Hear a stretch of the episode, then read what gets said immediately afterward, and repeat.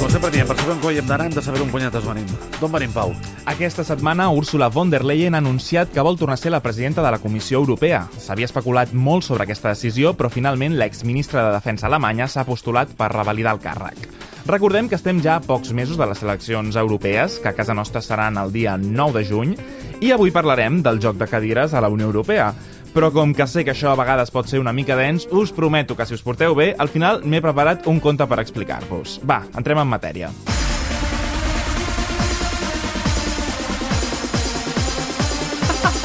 Oi, oi, oi. Quina, quina empastillada. És l'única manera que estigueu atents, si no, no m'escolteu quan parlo. Mare meva. Bé, com dèiem, von der Leyen s'ha convertit en l'única candidata de les primàries del Partit Popular Europeu. El perfil de l'Alemanya és força interessant perquè ella ha estat coneguda per fer polítiques de centre, per ser moderada. De fet, ha estat la seva comissió la que ha engegat un pla ambiciós per combatre el canvi climàtic, el conegut com a European Green Deal. També ha volgut mantenir un cordó sanitari amb l'extrema dreta, una posició que segurament serà més difícil d'aguantar en aquests comicis, perquè sembla que aquests partits pujaran com l'escuma i poden acabar sent claus pel repartiment de càrrecs. A veure, Pau, eh, com funciona aquest procés per escollir els candidats a la Comissió Europea? És un tema interessant, o si més no m'interessa a mi. El 2014, el president del Parlament Europeu, Martin Schulz, s'inventa el concepte Spitzenkandidaten, que dius, no podria trobar un nom més fàcil. La paraula és alemanya perquè ja sabeu que la política de la Unió Europea és més germànica que sucar una salsitxa en cervesa durant l'Oktoberfest de Múnich. Tot i que la paraula és difícil de pronunciar, en el fons el que vol dir és bastant senzill. Cada família europea fa unes primàries internes per escollir qui serà el seu candidat a presidir la comissió. Aquesta persona és la cara visible durant la campanya i participa als debats electorals. Abans del 2014, el president de la comissió s'escollia a porta tancada, en un acord entre els partits, però clar, els participants directes de la democràcia, que són els ciutadans, no tenien una connexió, una vinculació la idea del procés de l'Spitzenkandidaten és que hi hagi més transparència i que els votants tinguin una connexió més intensa amb la política de la Unió. Donar una sensació de democràcia més directa. Però una cosa que és molt important és recordar que això és un procés intern dels partits. Ara bé, ningú està obligat a fer-ho si no vol, i tothom està a temps de canviar un candidat a l'últim segon. Així funciona la festa de la democràcia europea.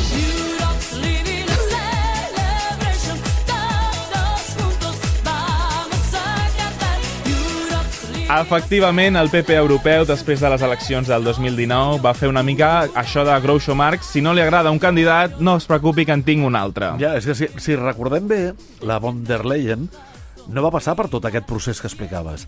Va arribar directament com llançada en paracaigudes, no? Així és, el principal partit del Parlament havia escollit en primàries a Manfred Weber, també alemany i també conservador, no sortim d'allà mateix, però segurament una mica més conservador que von der Leyen. De fet, sempre s'ha dit que no tenen gaire bona relació tot i ser del mateix partit. Per una banda, per motius ideològics. Weber ha qualificat algunes de les polítiques de la comissió com a massa progressistes, el European Green Deal li semblava massa ambiciós i volia anar molt de compte amb els temes sobretot que afecten els pagesos, que és un feu important dels vots del Partit Popular Europeu. I per altra banda, clar, von der Leyen li va treure el càrrec el 2019, i això no deu sentar gaire bé. Eh, Weber havia estat seleccionat per presidir aquesta comissió, però finalment doncs res, eh, ella que no s'havia presentat als comissis europeus, en aquell moment era la ministra de Defensa alemanya, però va acabar enduent-se el càrrec. Weber és un home molt important, el president del grup parlamentari popular a Brussel·les, però més enllà del que pensi ell, von der Leyen s'ha convertit en una persona de consens. Justament aquest consens serà important perquè les enquestes apunten que el Parlament Europeu estarà molt fragmentat i amb l'auge de l'extrema dreta veurem quins pactes eh, seran possibles al final. I sembla que molts d'aquests partits, si més no en secret o off the record, consideren von der Leyen com una mm, persona, una figura d'aquelles que ja funcionen prou bé. Potser a l'esquerra els pot servir per invitar un candidat encara més conservador i qualsevol alternativa podria acabar sent pitjor. Però encara queda molt de camí fins a les eleccions i les famílies polítiques, les altres, també estan fent els seus moviments.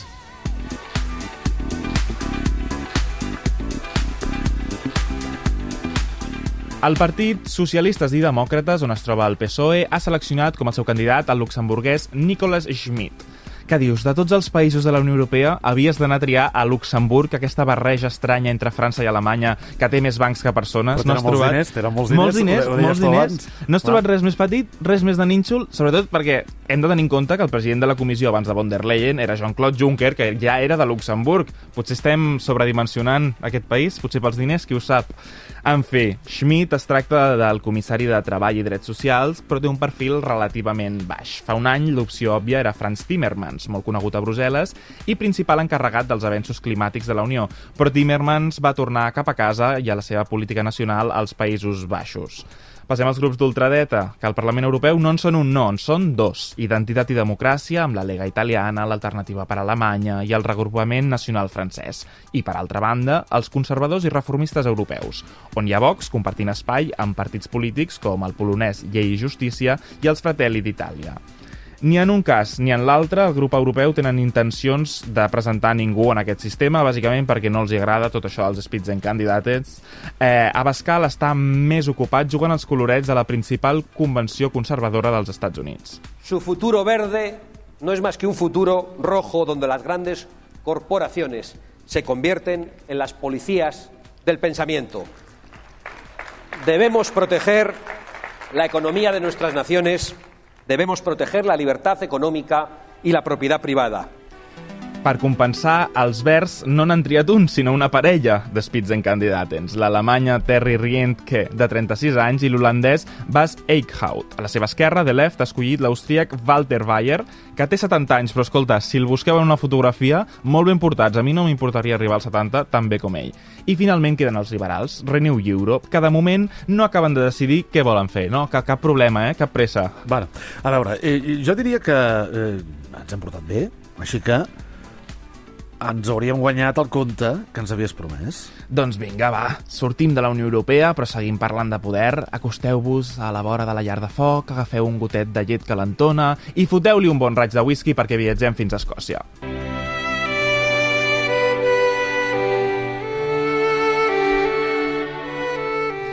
Hi havia una vegada un home molt i molt ric que vivia a Nova York. Era d'aquelles persones que tenien tants diners que estaven avorrits i ja no sabien com gastar-los. Corria l'any 2006 i en feia pocs que aquest home havia perdut la seva mare, la Mary Ann, i pensava en la manera de fer-li un petit homenatge. La qüestió és que la Mary Ann havia crescut a la illa de Lewis, a l'Escòcia rural. De fet, durant els primers anys de la seva vida, el gaèlic escocès era la seva llengua d'ús habitual. Així que de sobte l'home va dir, saps què? Doncs li faré un homenatge a la seva terra natal, Escòcia. I, evidentment, va prendre l'única acció lògica en el cap d'un multimilionari, construir un camp de golf envoltat d'un hotel i d'instal·lacions de luxe. Voleu saber qui és el protagonista de la nostra història? No, not you. Not you. Your organization's terrible. Don't be. No, I'm not going to give you a question. I'm not going to give you a question. You are fake news. Exactament, el nostre estimat Donald Trump. Not you. Not you, not, Not you. you. Fake news, Goyo, fake news. Molt abans que es posés de moda odiar Donald Trump, la població escocesa ja havia començat aquest camí de haitejar el magnat immobiliari. El nostre estimat Trump eh, va presentar un primer pla per construir el supercomplex, però li van denegar, ja que afectava una zona natural protegida. Intueixo, no obstant, que la història no acaba aquí, perquè Donald Trump és una persona que no accepta una negativa com a resposta. Per aquest mateix motiu, ho va tornar a intentar, prometent molts llocs de feina i prosperitat per la zona rural d'Aberdeenshire, on s'havia de localitzar el camp de golf. I, oh, sorpresa, el govern d'Escòcia a l'època li va comprar el discurs i finalment va utilitzar aquesta construcció.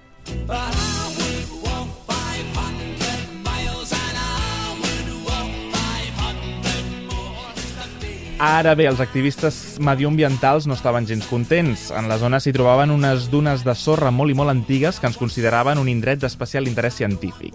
Es va prometre que l'activitat del complex no les faria malbé, però al 2019 l'Agència de Patrimoni Natural d'Escòcia va afirmar que aquell ecosistema tan antic havia estat destruït i van haver-li de retirar aquell estatus especial. I a banda de la part més natural, imagino que els veïns de la zona tampoc deurien estar molt contents. Gens ni mica, i és per aquest motiu que s'hi van oposar amb campanyes molt potents. L'heroi del nostre conte és un granger escocès a qui Trump volia comprar la seva casa per enderrocar-la, ja que obstruïa la vista del seu hotel. Doncs bé, Michael Forbes li va dir que ell d'allà no marxava ni mort. And uh, my mother answered it, and she says, "We've got visitors," and she shut the door. So they chopped a bit louder, you know, I says, if you come back here again, I says, I'll have you charged with harassment. Heu entès alguna cosa? Jo tampoc. és impossible entendre un escocès, i us ho dic, havent viscut allà, però... Ho he intentat, però no. Tu has viscut a Escòcia? Sí, I no, i no has pillat any. res? Mira, el que he pillat és que explica que una vegada va acabar empaitant el fill de Trump perquè no parava de picar a la porta de casa seva intentant-lo convèncer i el va acabar empaitant dient-li que marxés d'allà. Gràcies a la seva resistència, Michael Forbes es va convertir en una mena d'heroi local i el 2012 va acabar guanyant una votació popular que el va proclamar l'escocès de l'any. Bé, això està, això està molt bé, però, però és que Trump té una polèmica cada dos dies. Exactament per què ens estàs explicant ara aquest embolic que va passar uns anys enrere? Doncs Donald, Donald Trump sempre ha defensat que la construcció d'aquest camp de golf va ser un absolut èxit, que és un dels millors llocs del món on practicar aquest esport i que està construït amb el major dels luxes. Bé, fa uns dies un jutge de Nova York va condemnar Trump per frau i li va imposar una multa que, agafeu-vos a la cadira, arribava als 450 milions de dòlars. Se'l condemna per exagerar de forma molt significativa el valor dels seus negocis i de les seves propietats, entre d'elles, ja sabeu per on vaig, el complex de golf d'Aberdeenshire. Ves que al final no resultés que l'ego del magnat li fes ennubular una mica el seu judici. S'ha de dir que la multa és molt significativa i encara que Trump sigui multimilionari, sempre ha amagat el valor de la seva fortuna. Els experts diuen que aquesta sentència li passarà factura en les seves finances personals, vés a saber com ho paga. On sembla imparable és a les enquestes per les primàries republicanes. Ja sabeu que a ell li funciona aquella cosa de com pitjor, millor. Sí, sí, cuanto, cuanto peor mejor, que deia aquell gran polític. Bé, per molt que acumuli, que acumuli casos davant els tribunals, això sembla que l'únic que fa és mobilitzar encara més la seva base. Aquesta mateixa matinada ha guanyat les primàries republicanes a Carolina del Sud i era un estat important perquè la seva principal oponent, Nikki Haley, va ser-ne la governadora. Si no pots guanyar ni a casa teva, tens poca cosa a fer. Trump sempre ha estat molt elegant, això ja ho sabem. Joe, you're fired. Get out. Get out, Joe. You're fired. Joe, ja pots anar fent les maletes, ja pots anar sortint. I res, veurem què passarà al novembre, perquè venen uns mesos de ben segur intensos als Estats Units, però això ja és una història per un altre dia. Si us ha interessat el tema del seu camp de golf i en voleu saber més, jo us recomano el documental You've Been Trump, Has estat trampejat, del director Anthony Baxter, i també el llibre de fotografies preciós que es diu I Burned But I Am Not Consumed, que en català seria Cremo però no em consumeixo, de la fotoperiodista Alice Bruce. I vet aquí un gat, i vet aquí un gos, que aquest conte ja s'ha fos.